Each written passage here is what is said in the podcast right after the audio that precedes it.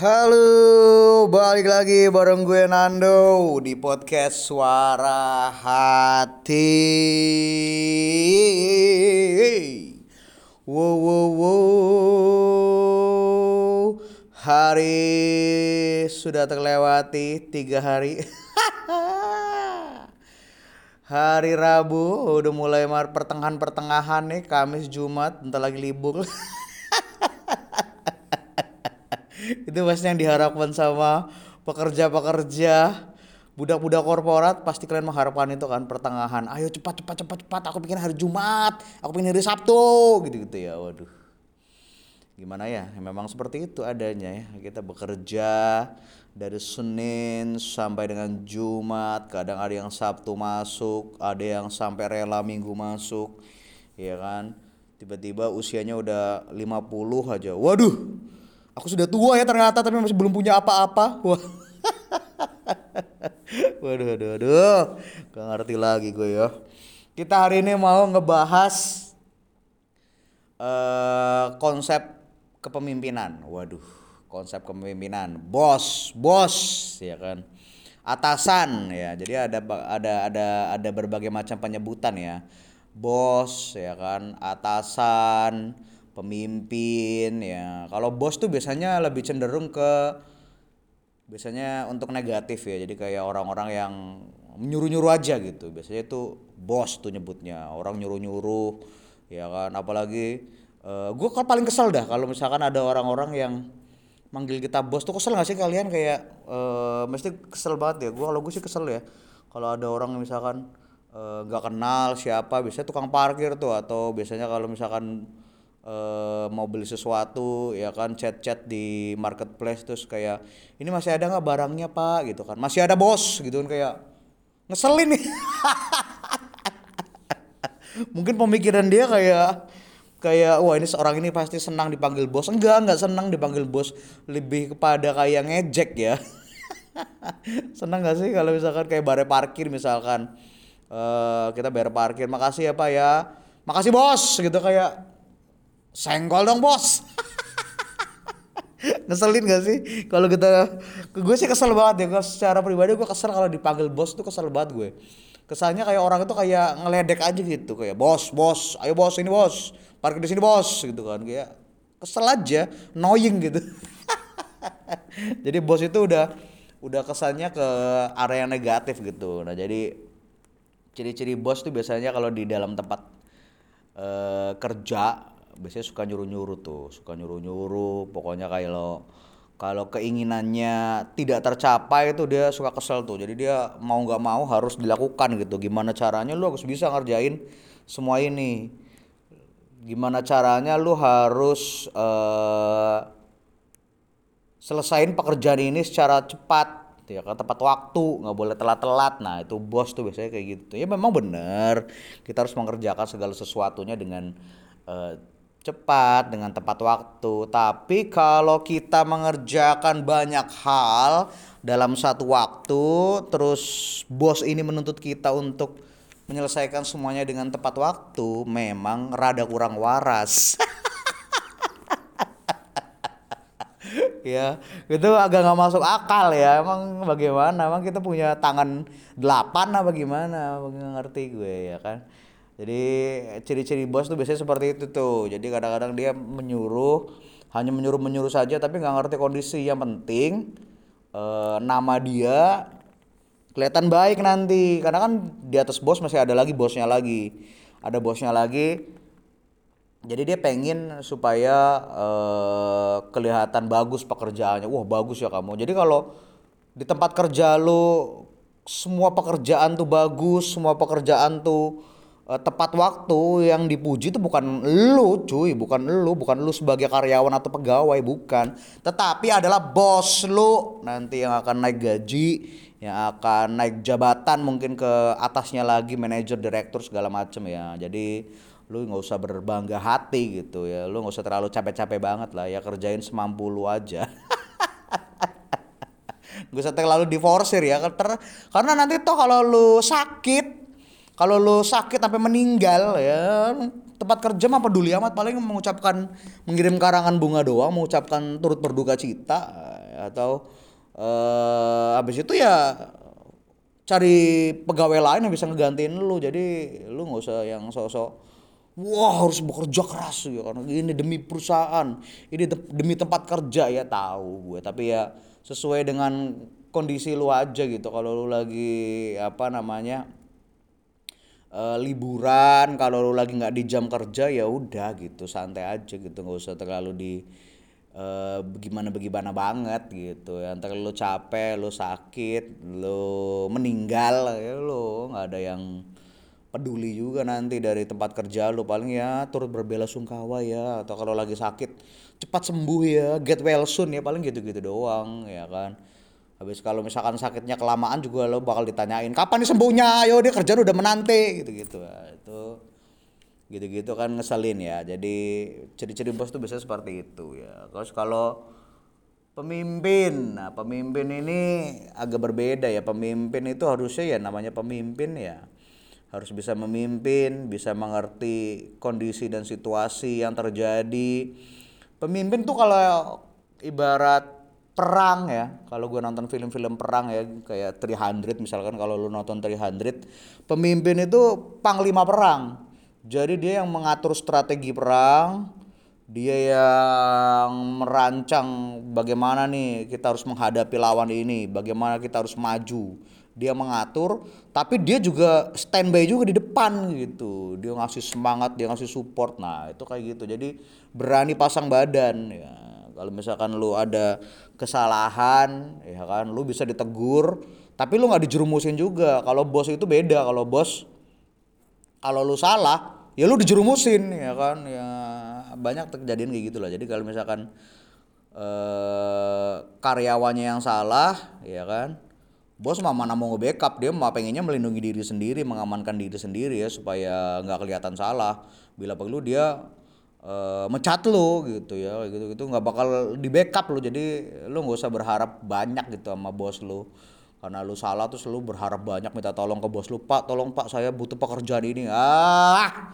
Ya kan lu bakal dibuang. Gue yakin banget. Jadi beda gitu. Kalau pemimpin tuh kayak gitu tadi. Jadi dia pasang badan berani pasang badan. Dia maju ke depan dia memimpin pasukan buat berperang. Itu namanya kalau menurut gue pemimpin tuh seperti itu gitu. Jadi rela aja gitu. Jadi ngelindungin anak buahnya gitu kan bagaimana supaya eh, perang ini menang tapi nggak banyak makan korban jiwa juga. Gitu gitu kan. Jadi itulah namanya apa namanya namanya pemimpin tuh gitu. Kalau kalau nonton film-film perang pokoknya panglima perang tuh selalu kayak gitu ya kan.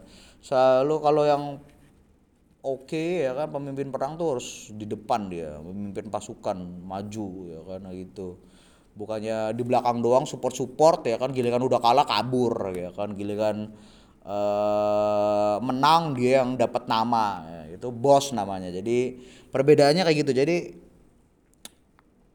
jomplang banget lah gitu. Jadi kalau lo lihat di kantor lu atasan lu tuh apa nih? Bos atau pemimpin? Itu harus harus lu bisa bedain. Kalau kiranya bos ya lu bersikap biasa aja lah gitu. Bersikap santai aja ya kan kerjaan gak usah yang terlalu di bagaimana bagaimana banget ya kan gak usah terlalu diforsir tenaga lu dan yang terpenting adalah nggak usah kelihatan lu bisa segalanya gitu itu paling penting sih kalau lu kelihatan misalkan job desk lu tuh A tapi lu nunjukin kalau lu bisa ngerjain B, bisa ngerjain C, bisa ngerjain D, ah siap-siap lu bakal diperbudak sih. lu bakal bakal ada job tambahan lain, lu bakal ngerjain B, ngerjain C, ngerjain D, tapi gaji lu tetap A. Jadi lu bakal banyak pekerjaan, lu yang tadinya job desknya cuma satu tiba-tiba karena lu nunjukin lu bisa A, lu bisa B, lu bisa C, lu bisa D, job desk lu jadi banyak tapi gaji lu tetap satu. Ya kan ntar dengan alasan eh, lah ini kan masih di jam kerja. Jadi kalau ini masih di jam kerja dari jam misalkan dari jam 9 sampai jam 5, 9 to 5 lah ya atau dari jam 7 sampai jam 4, jam 7 sampai jam 3. Ya itu pekerjaan lu di situ lu mau gue suruh mau apain aja. Misalkan lu kerjaannya A gue suruh B lu harus mau karena ini masih di jam kerja gitu ya. Jadi konsep seperti itu kan konsep perbudakan modern sebenarnya jadi yang dibeli itu bukannya yang kita terima yang kita yang yang kantor bayar yang kita terima bayaran kita tuh bukan bayaran tentang skill kita tetapi hidup kita waktu kita yang dibeli gitu. Jadi kalau konsepnya tuh beda ya. Jadi kalau kalau skill kita yang dibeli job desk kita tuh cuma satu sebenarnya. Job desk kita tuh satu A gitu aja gitu kan. Terserah lu harus bikin yang nah dari job desk yang A itu lu kembangkan lah bukannya dapat job baru gitu. Jadi bukannya dapat job desk baru B C D bukan. Jadi dari job desk A lu kembangkan lagi bagaimana caranya ini biar bagus bagaimana caranya lagi dia biar uh, makin keren nah gitu-gitu. Dan job desk itu kan nggak mungkin karena dia job desknya cuma satu terus dipikirnya kayak lo kerjaan lu cuma ini ini doang gitu. Ya nggak gitu. Kan bisa bisa berkembang bisa banyak gitu-gitu. Ya bukannya malah jadi nambah ganti jadi job desk yang lain bukan gitu konsepnya gitu. Tapi kan bukan itu. Sekarang yang terjadi adalah perbudakan modern. Jadi yang dibeli itu adalah uh, hidup kita waktu kita dari jam 9 misalkan sampai jam 5 ya jadi 12 jam waktu kita tuh dibeli. Jadi uh, bos kita bebas menyuruh kita apa pun ya kan pekerjaan apa pun ya yang bukan job desk kita asalkan itu di jam kerja itu sifatnya eh, wajib. Ya itu perbudakan modern tuh kayak gitu. Jadi sama kan kayak perbudakan zaman dulu kan gitu juga. Lu kerja sama gue lo gitu kan lu udah gue beli budak kan gitu ya lu udah gue beli jadi terserah gue mau ngapain aja. Jadi kalau misalkan lu gue suruh A lu harus mau A. Suruh B harus mau B. Ya karena lu udah dibeli hidupnya. Waktu lu udah gue beli gitu. Jadi gue bebas ngapain aja gitu. Jadi kayak beli barang aja. Barang misalkan kita beli eh apa namanya beli satu barang. Kan barang itu bebas kita apain aja. Ya kan? Kadang nggak nggak menurut fungsinya malah lebih lebih bermaknaan barang ya kan? Barang bisa bisa kita ngerti fungsinya apa. Jadi kalau perbudakan tuh udah gak ngerti lagi fungsinya apa. Yang penting lu dibeli lu harus tetap standby di jam kerja karena gue mau nyuruh lu apaan aja lu harus siap gitu. Itu kewajiban. Nah itu perbudakan modern tuh kayak gitu. Jadi bukan skill kita bukan skill lu yang dibayar tetapi waktu lu hidup lu ya itu yang dibayar itu jadi itu perbudakan modern tuh kayak gitu. Jadi itulah yang terjadi.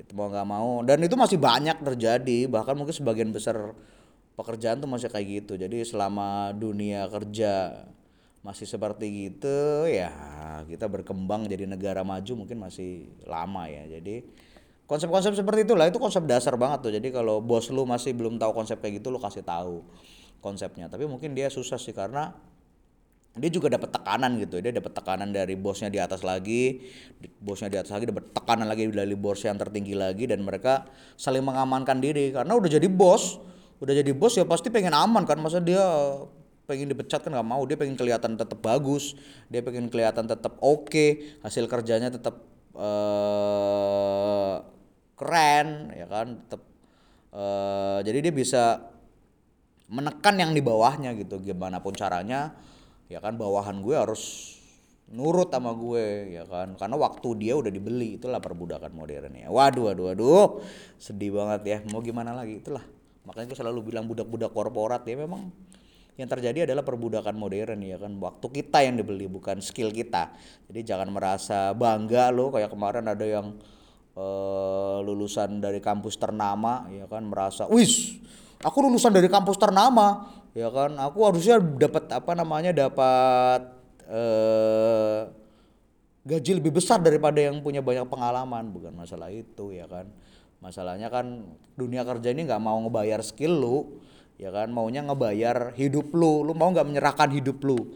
Menyerahkan waktu lu untuk eh, kantor untuk perusahaan. Nah gitu gitu kalau lu mau ya oke ayo gitu. Masalahnya kan bukan itu Ya tapi semoga aja nanti kita uh, bisa mendapat pencerahan ya. Semoga nanti generasi-generasi berikutnya Gen Z, Gen Z atau Gen Alpha, Gen Alpha bisa merubah itu ya.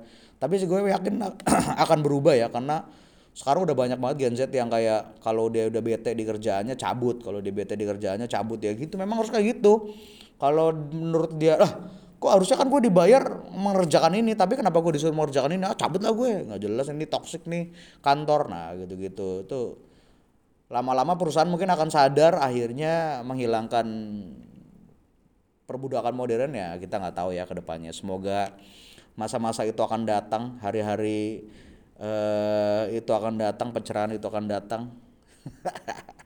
Sip thank you yang udah dengerin podcast suara hati Thank you juga yang udah follow, yang belum follow, yang cuma dengerin doang, ayo buruan di follow supaya uh, apa namanya nggak ketinggalan episode-episode berikutnya. Karena bakal rutin nih gue kayaknya bakal rutin ya udah tiga hari ini gue langsung bikin podcast everyday itu karena memang selalu banyak keresahan yang terjadi ya.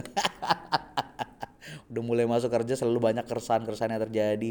Dan cara diri gue menjaga tetap waras ya seperti ini ya bercerita ya lewat podcast. Berbagi cerita dengan kalian ya.